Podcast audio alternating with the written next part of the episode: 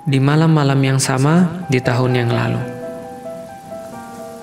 ada banyak jiwa-jiwa yang menyesal. Mengapa mereka tidak memanfaatkan Ramadan dengan baik? Mengapa mereka tidak menjalani hal-hal yang harusnya mereka jalani? Atas lembar-lembar Al-Quran yang masih banyak tersisa. Atas rokaat-rokaat yang masih banyak tertunda. Atas istighfar yang tidak pernah terucap.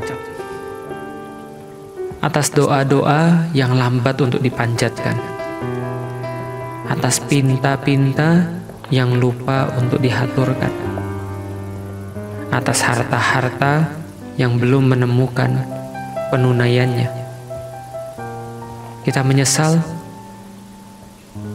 kita berkata pada diri kita sendiri, apa yang sudah kita berbuat sampai dengan hari ini, ketika Ramadan tinggal sisa-sisanya saja. Tapi di dalam hati kecil kita, kita senantiasa meyakini, kita senantiasa percaya Ramadan akan datang sekali lagi. Tahun depan, aku akan melakukan yang terbaik. Tapi tahun ini, Allah memberikan situasi yang sama sekali berbeda. Allah berikan kenyataan yang harus kita tanggung dengan pahit Inilah tahun di mana sesal datang lebih awal.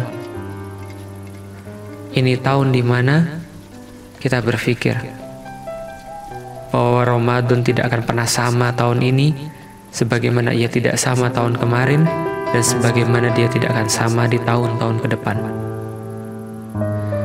Maka apa yang ingin kita persembahkan pada Ramadan tahun ini? Di hari-hari yang tersisa, di malam-malam yang terakhir, Semoga Allah memperkuat kita. Semoga Allah memampukan kita untuk mempersembahkan yang terbaik di tahun ini, karena tahun depan belum tentu ada.